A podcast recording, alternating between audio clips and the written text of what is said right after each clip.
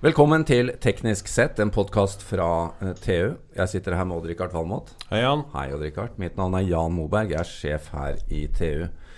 Odd-Rikard, vi har snakket om båt uh, tidligere i sommer, men vi er nødt til å snakke en gang til om Ja, båt. du, jeg kan garantere at vi kommer til å snakke mange ganger flere om båt, Jan. Ja, men i sommer så må vi i hvert fall ha denne ja. praten. Ja, ja, ja. Litt om ny teknologi i båt. Ja. Fordi nå, nå er det mye som skjer.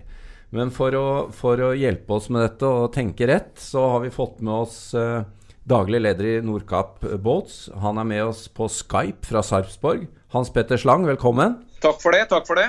Eh, vi eh, sitter her og og drikker til og og tenker at eh, det er mye spennende som skjer i dette småbåtmarkedet, får vi kalle det. Altså eh, sånn mm, 16 til 28 fot.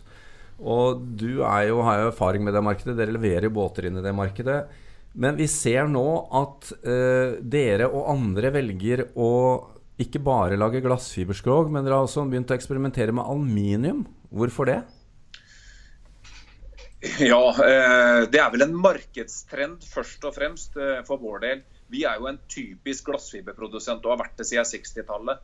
Eh, Det vi bare kunne merke oss for noen år siden, var jo at eh, først og fremst i Finland, eh, siden i Sverige, spesielt i Stockholmsregionen, utvikla det seg en, en trend hvor det med aluminiumsbåter, eller aluminiumsskrog i hvert fall, etter hvert ble veldig populært. Eh, og det er klart at eh, Siden markedet endra seg, så er vi også nødt til å, å endre oss litt. og Det var nok bakgrunnen for at vi starta å begynne å se på aluminium. Men hva er bakgrunnen for at eh, kundene ønsker seg aluminium da, framfor glassfiber? Det er, det er jo ikke pene båter, skal hvis jeg skal være ærlig. Selv om Jeg du har en, Jan. Ja, ja, du har en stygg båt, og jeg har en pen båt. Sånn er det.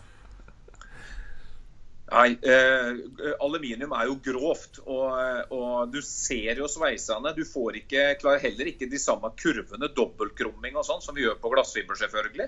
Så, eh, så det blir jo mer likt en stålbåt. Og, og noen syns det er tøft og maskulint, og andre syns ikke det er noe særlig pent. Det er jo ikke så farlig hvis du banker borti svaberget heller, da. Nei, det er klart at uh, aluminium er veldig stivt. Men samtidig så har jo ikke aluminiumen den egenskapen som glassfiberen har. da, hvor, eh, eh, Som tåler eh, ja, forholdsvis harde støt som gir etter og kommer tilbake til sin opprinnelige form igjen. Det er jo ganske unikt med glassfiber. Eh, Kjører du på noe spisst med et aluminium, så vil det jo eh, selvfølgelig enten bli bukkel, eller så vil den eh, revne, rett og slett. Ja, da må den inn og sveises, rett og slett. da. Da må den sveises. Men, men det må jo være andre ting enn uh, utseende eh, som gjør at man tar i bruk aluminium. Hva slags, eh, hva slags fordeler har det styrkemessig ellers? Ja, det er helt klart andre, andre årsaker enn akkurat hvordan det ser ut. Eh, først og fremst så vil en jo si det at et aluminiumsskrog det er eh, spissere, det er tyngre. Og det er veldig mye mer presist, enn det et eh, eller et eh, glassfiberskrog er. Så kjørekomfort er bedre på aluminiumskroget enn det er på glassfiberskroget. Er, er det tyngre? Jeg trodde faktisk at det var lettere. Nå er det mange forskjellige tykkelser Jo, jo, også. det er klart. Ja, Men allikevel det samme, samme fot. ja, det, Ja. Vår erfaring er at, eh, at aluminiumskroget det er eh, litt tyngre enn eh, glassfiberskroget. Men dere har jo valgt en kombinasjon, har jeg skjønt. Dere har altså en modellserie med, med, glass, nei, med aluminiumsskrog, men glassfiber eh, Overbygning. overbygning. Ja.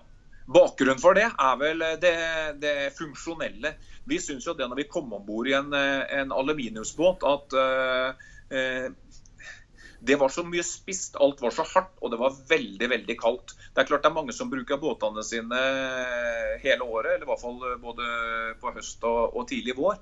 Og eh, når du står på en sånn kald aluminiumsdørk, så, så slår det veldig opp. Vi var ute etter den kombinasjonen. Vi, vi ville ha glass, glassfiberegenskapene oppi cockpit. Det er litt varme, litt eh, lune, litt mykere, rundere, finere, eh, enklere og ikke minst estetisk penere. Mens vi ville gjerne ha aluminiumsegenskapene på det som var nede i sjøen. Men betyr det at de, dere nagler de sammen, da? Vi limer. Dere limer dem sammen, ja. Men Ja. hva med utvidelseskoeffisienter og sånn? De er vel litt forskjellige, er det ikke? Jo, men eh, i dag så har vi så gode eh, materialer å lime med at eh, det tar hensyn til det. Så vi har også eh, testa og kjørt dette her gjennom så mange år, så den, eh, det er ikke noe utfordring lenger. Eh, og hvis du ser på sjøegenskaper, da. Eh, Da kan jeg i hvert fall si med våre skrog, da vi har jo, eh, vi har jo samme modeller både som aluminiumsbåt og som glassfiberbåt. Og da får vi jo en, egentlig en veldig god sammenligning.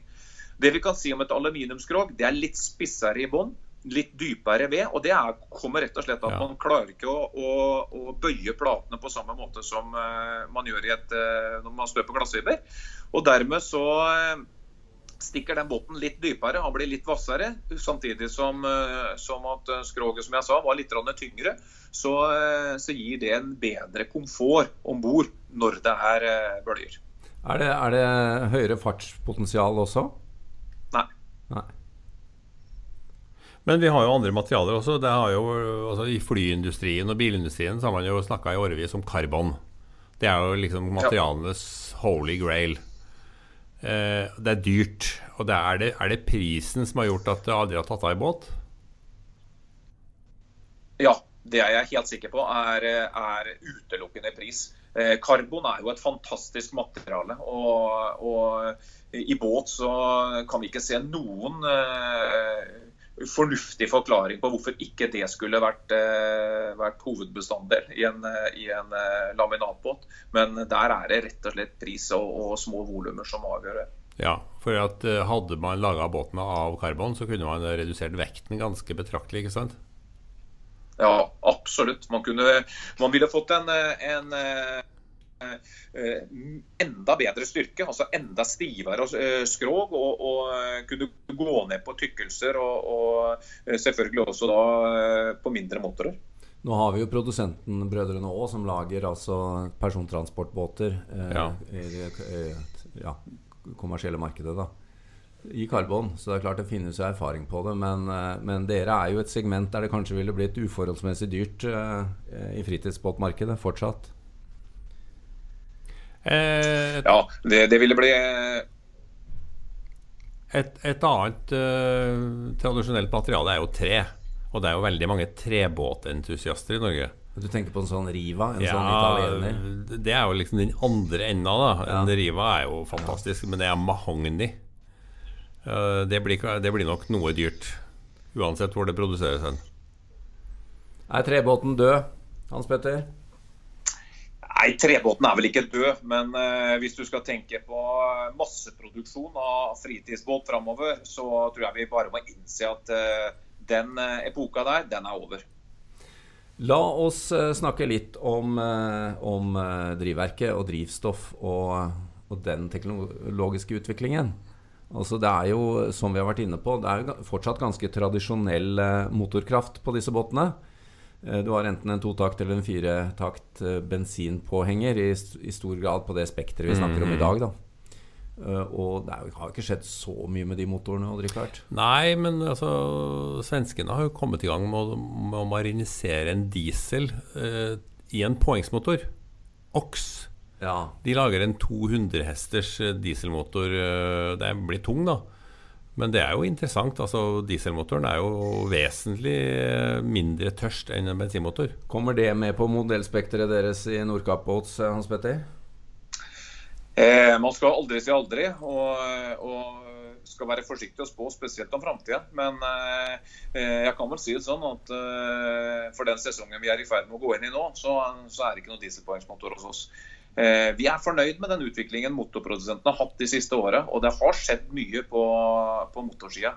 Eh, spesielt hvis vi går eh, 10-15 år tilbake så, eh, så har jo direkteinnsprøytning eh, kommet på, på alle typer motorer. Og det har jo eh, gjort at bensinforbruket har gått dramatisk ned. Den teknologien som vi hadde tidligere, hvor bensin var en viktig bestanddel for å kjøle ned motoren, har også eh, etter hvert eh, forsvunnet, eller i hvert fall blitt mye mer eh, ubetydelig. Og sammen så tror jeg det at vi har eh, fått produkter i dag som er veldig mye mer brukervennlig enn det vi hadde for noen få år tilbake. Og Det har også blitt mer miljøvennlig, da, har jeg skjønt? Ja, det er klart at når det går mindre bensin inn, så, så er det også mindre utslipp ut. og Det er nok en, eh, en, eh, viktig del av eh, driveren i markedet det for de som produserer og utvikler motor. Det er nok krava til nye fra nye miljøforskriftene som kommer.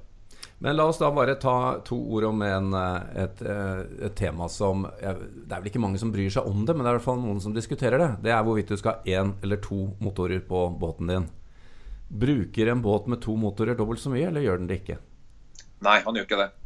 Eh, og det er eh, ikke helt lett å forklare. Vi kan si det at med to, eh, to eh, girkasser nede i vannet som bremser, så, trenger du, ja. så trenger, får du en større brems enn om du bare har én girkasse nede i vannet.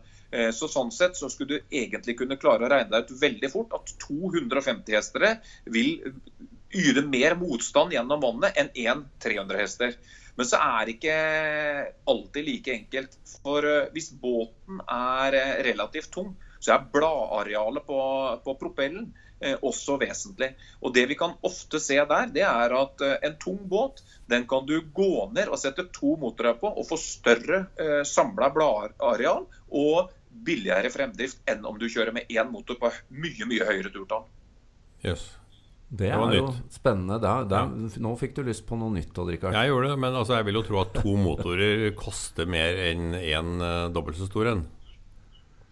Ja, uh, det koster noe mer. Men faktisk så etter at uh, hestekreftavgiften forsvant på, på båtmotoren, så, så, er jo ikke, så er ikke det helt avskrekkende lenger, det heller. Men og det er, er jo absolutt en sikkerhetsfunksjon ja, det også, er det også. Ja. ja. Når du er ute, ut, utenfor eh, de ytre skjær, så kan jo det være gunstig. Men, men hvor stor del av antallet båter som selges, selges med dobbeltinstallasjon, da? I Norge så er det ikke mange. Eh, vi har jo stort sett en skjærgård som, eh, hvor de fleste fritidsbåtene blir solgt, i hvert fall. Som eh, fjerner egentlig det elementet med, med, med risiko. Ja. Ja. Så, så, jeg vil si det at i Norge så, er, så har det ikke vært noen tradisjon for, for tvinninstallasjoner. Men vi selger alltid noen hvert eneste år. Men veldig stort er det ikke.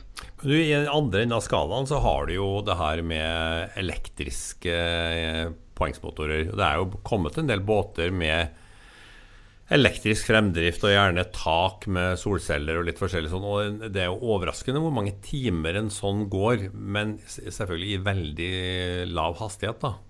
Du får jo båter som går åtte timer på Men det er vel, vi snakker vel om fem knopp eller noe sånt. Ja, de siger gjennom vannet, ja. Ja, de siger gjennom vannet.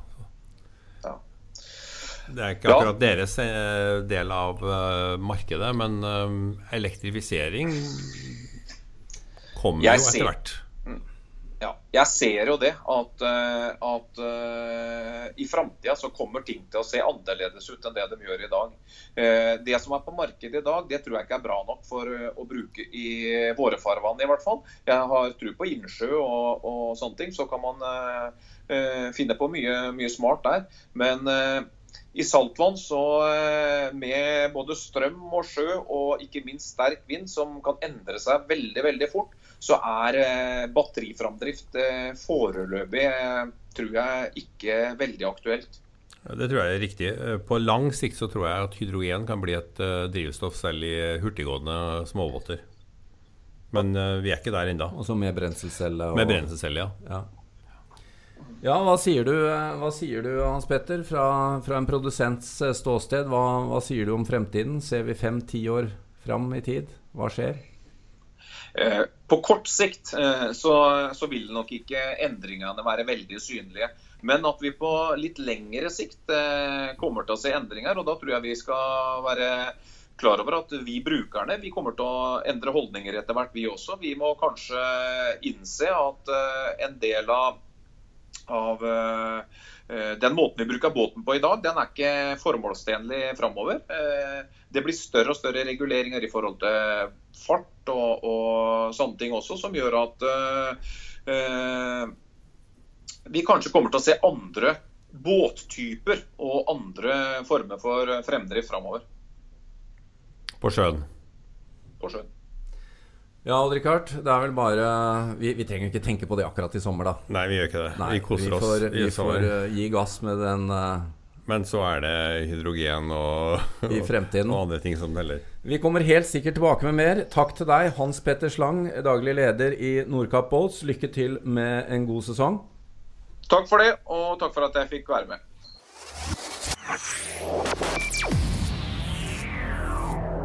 you